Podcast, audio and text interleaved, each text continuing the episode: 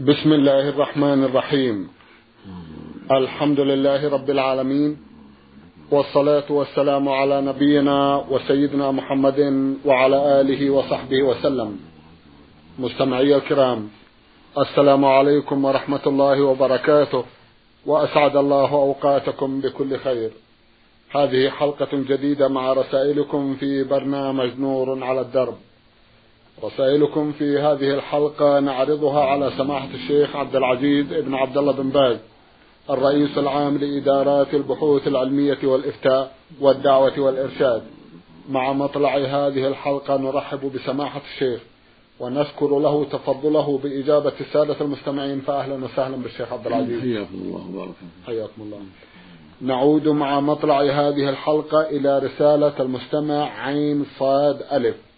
هذا المستمع عرضنا بعض أسئلة له في حلقة مضت وفي هذه الحلقة يسأل ويقول سمعت حديثا من برنامجكم وهو لا وضوء لمن لم يذكر اسم الله عليه.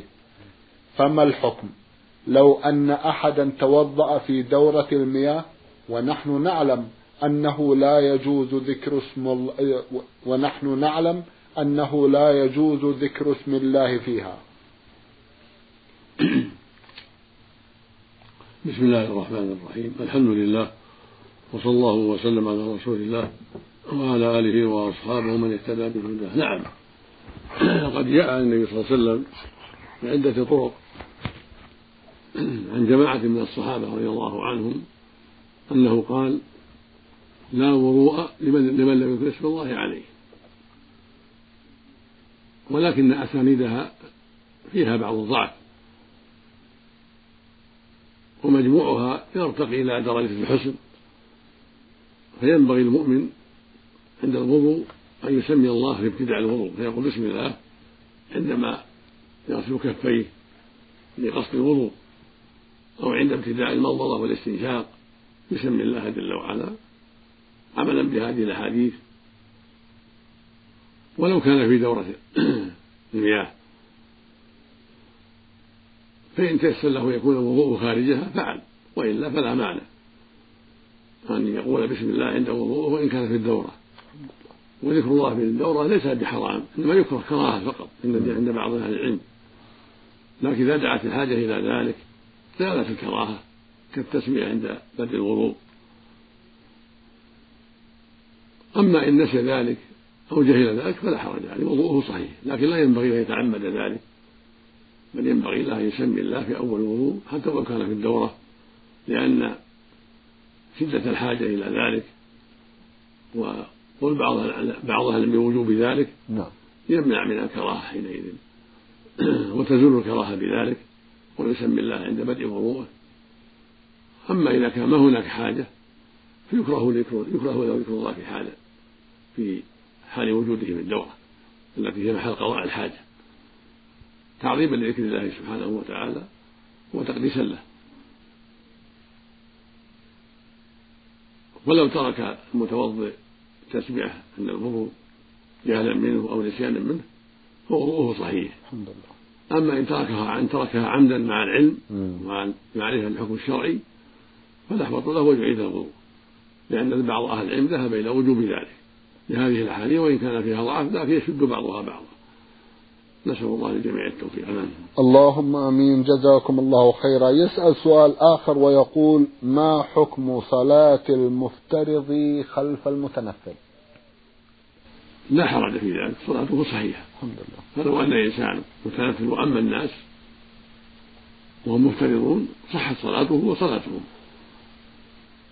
وقد ثبت في الصحيحين أن معاذ رضي الله عنه كان يصلي مع النبي العشاء ثم يذهب إلى قوم فيصلي بهم تلك الصلاة فهو مفترض فهو متنفل وهم مفترضون. ولم ينكر عليه النبي ذلك عليه الصلاة والسلام. ومثل هذا لا يخفى عليه عليه الصلاة والسلام. كما ثبت عنه صلى الله عليه وسلم أنه صلى صلاة الخوف بطائفة ركعتين ثم سلم ثم صلى بآخر ركعتين.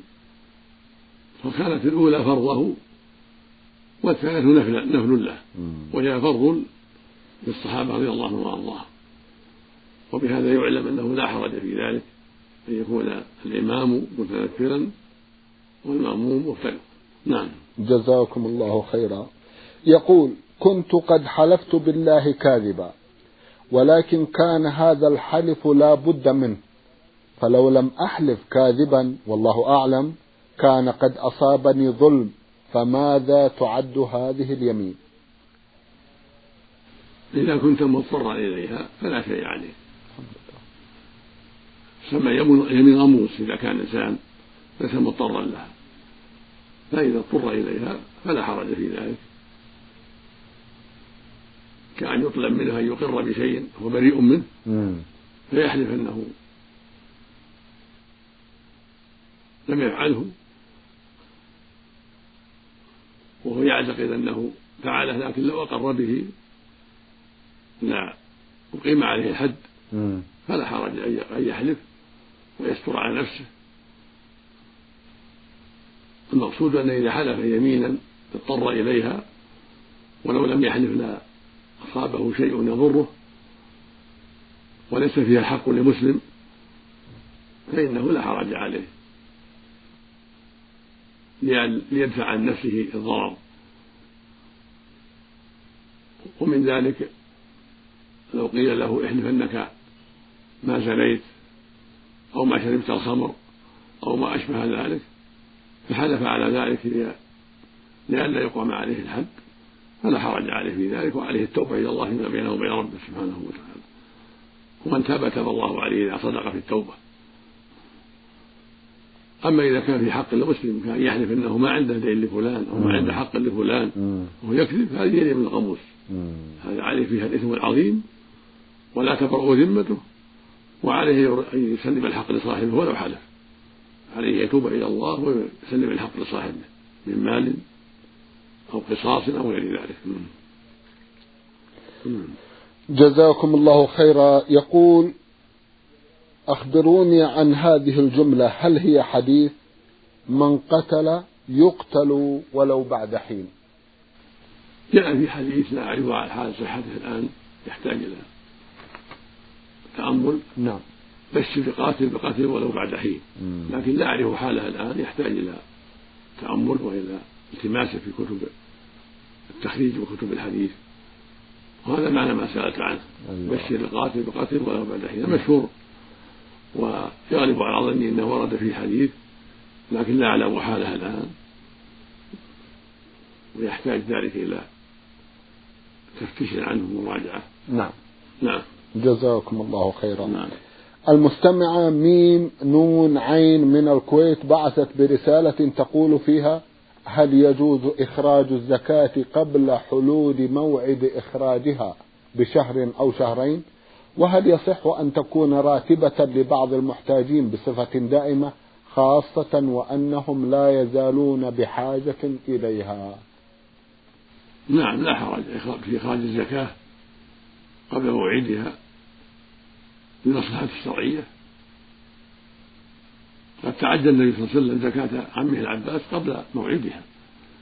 فإذا أخرج الإنسان الزكاة قبل موعدها لوجود فقراء محتاجين عجل لهم الزكاة أو للمجاهدين أو لفقراء من أقاربه اشتدت حاجتهم أو نحو ذلك. فكل هذا لا بأس بل ذلك مشروع وفيه خير كثير. ويجوز أن تكون الزكاة راتبا لبعض المحتاجين يدفعها إليه كل سنة.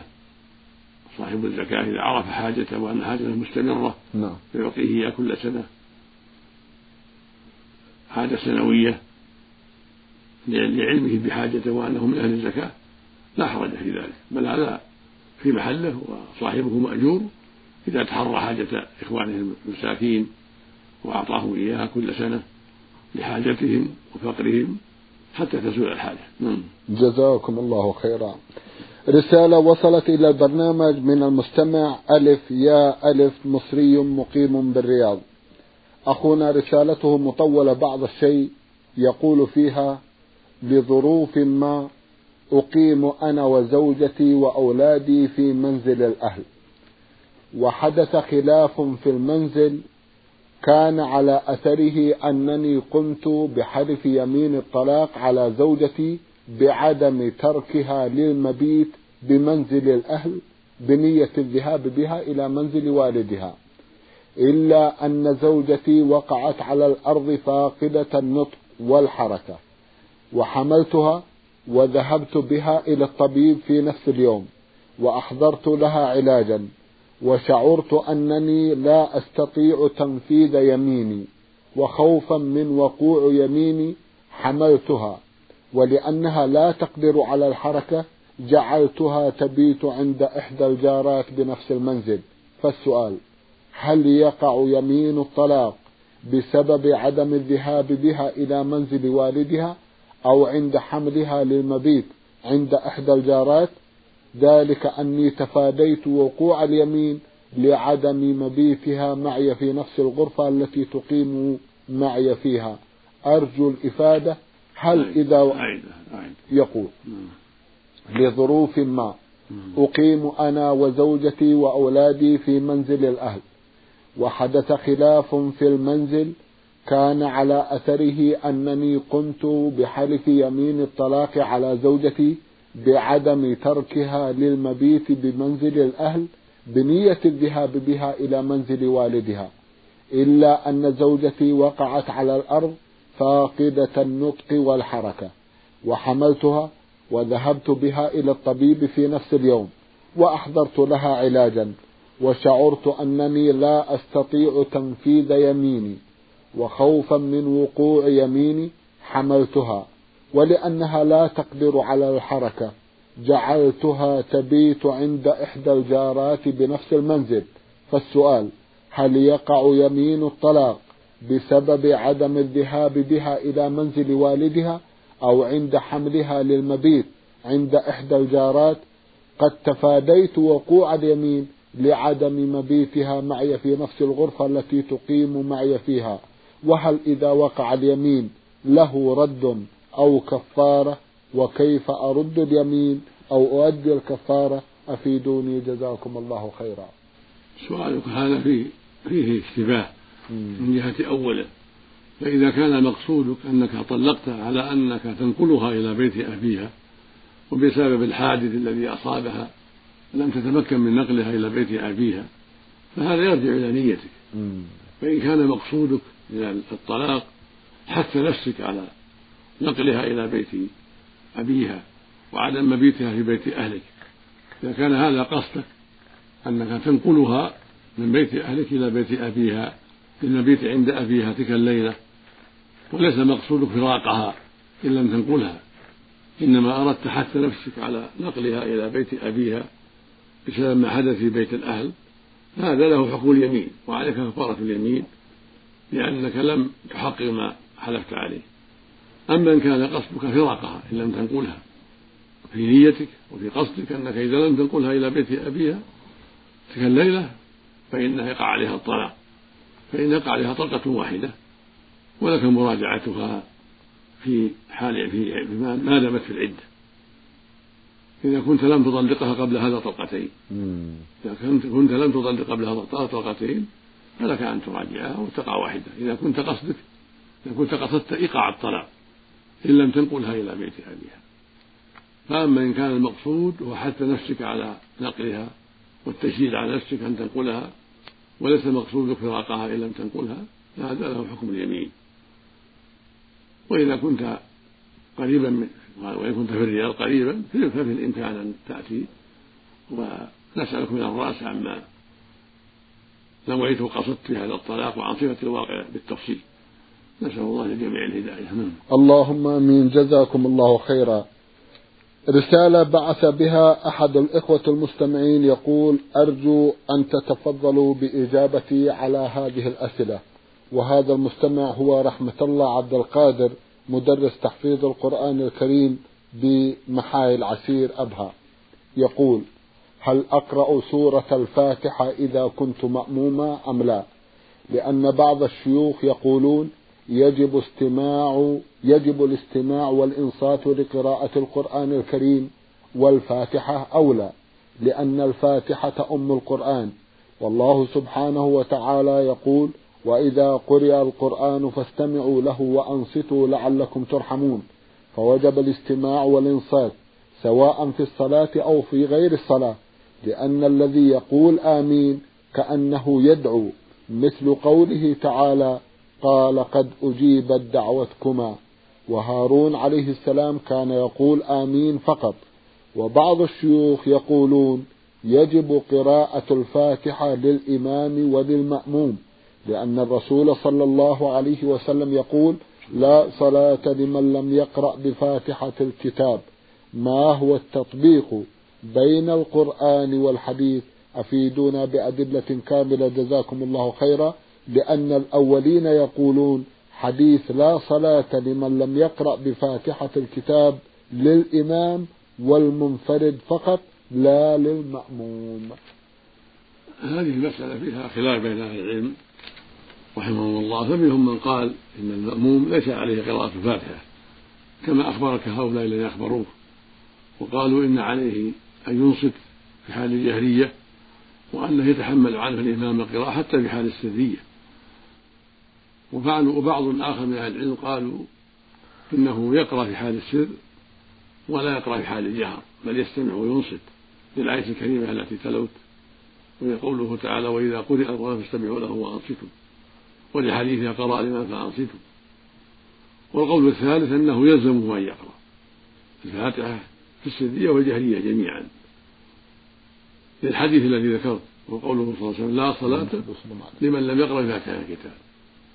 ولقوله صلى الله عليه وسلم في الحديث الآخر لعلكم تقرؤون خلف إمامكم. قلنا نعم. قال لا تفعلوا إلا بفاتحة الكتاب. فإنه لا صلاة لمن لم يقرأ بها.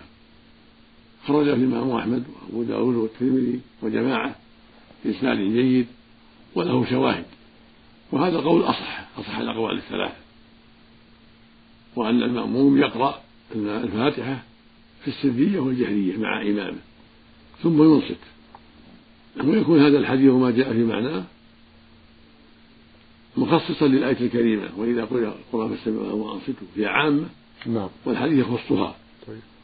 والقاعدة الشرعية أن الخاص يقضي على العام ويخصه.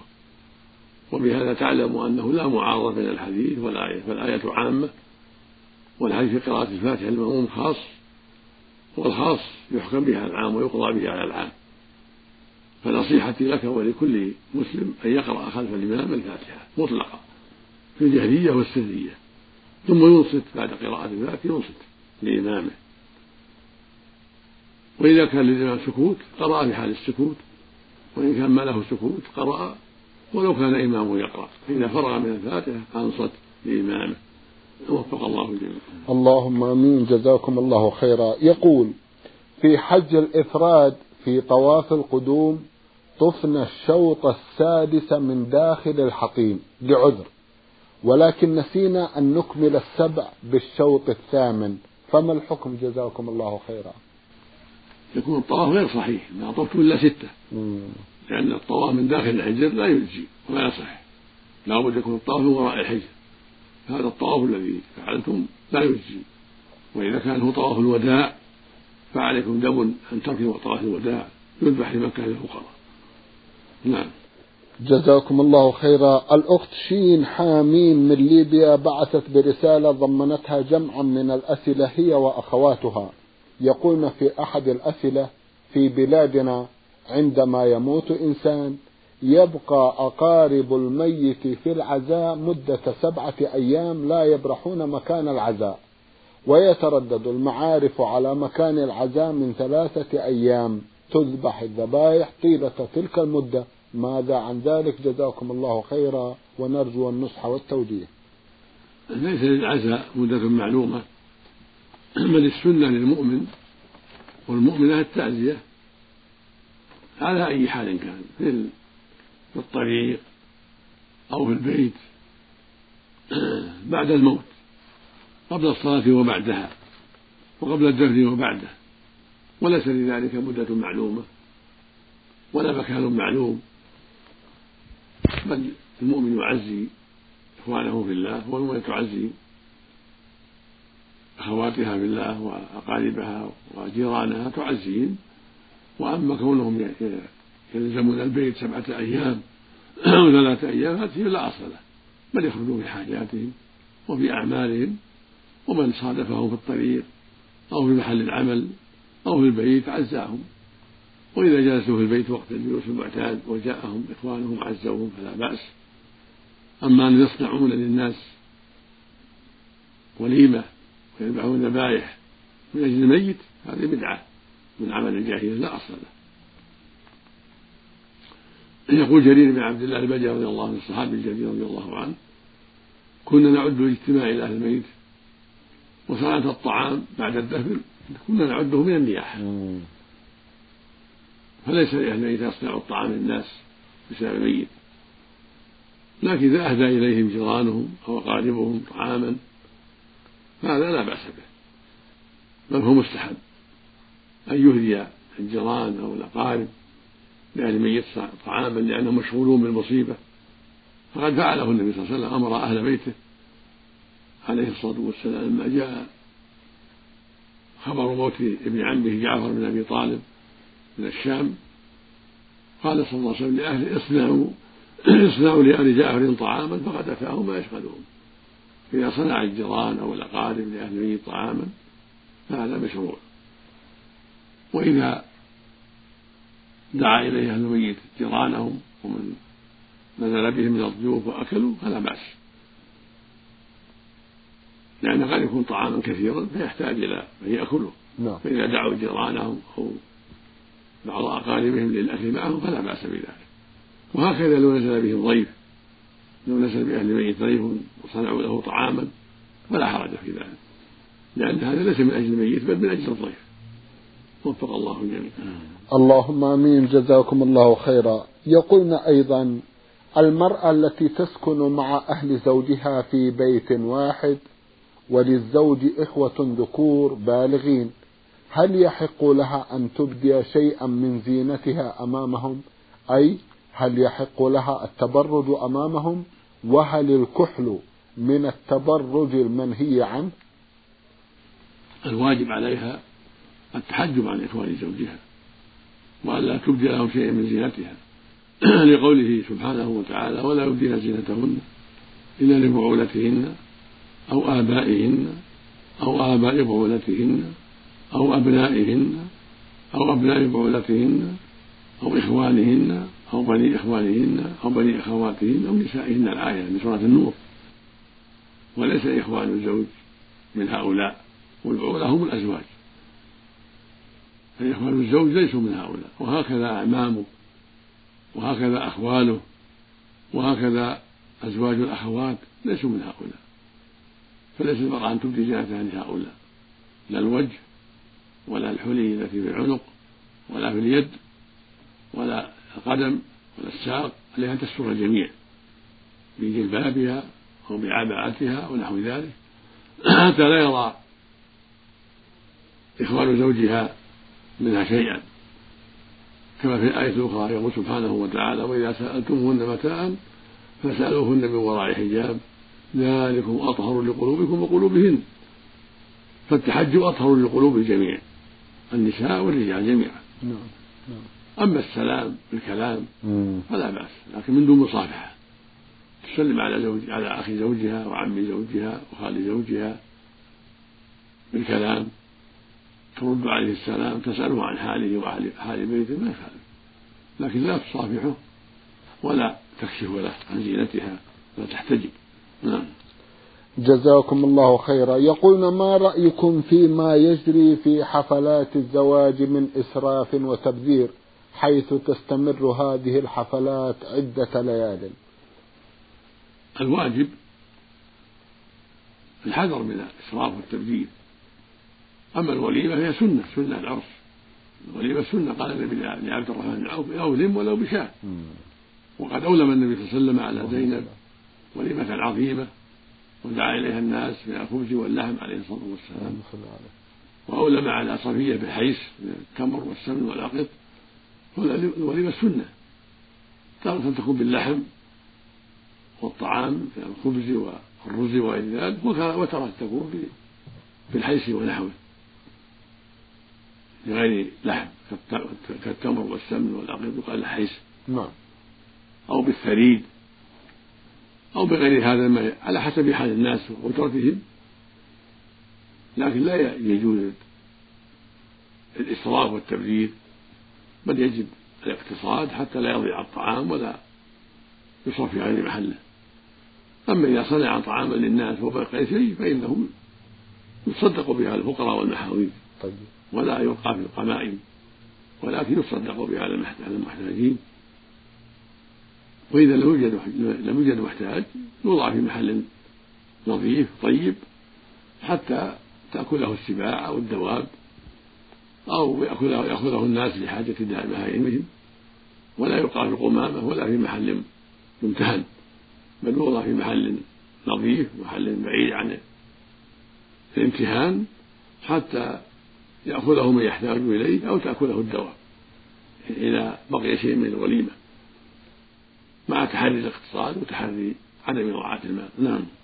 جزاكم الله خيرا. ما هو رأيكم أيضا لو تكرمتم في استعمال العروس للثوب الأبيض الذي أصبح عادة في أغلب البلدان خاصة وأن هذا الثوب غالي الثمن وتستعمله العروس ليلة الزفاف فقط؟ لا أعلم له أصلا وينبغي للناس أن أن يدخلوا العروس في الثياب المعتادة التي ليس فيها تخلف ولا إسراف ولا تأسم بأعمال الكفرة. بل ينبغي للمؤمن والمؤمنة وجميع المؤمنين أن يتحروا الشيء الذي ليس فيه تكلف وليس فيه مشابهة لأعداء الله ولا مشابهة للرجال. وهذا الثوب الأبيض إذا كان ليس فيه تشبه بالرجال ولا بالكفرة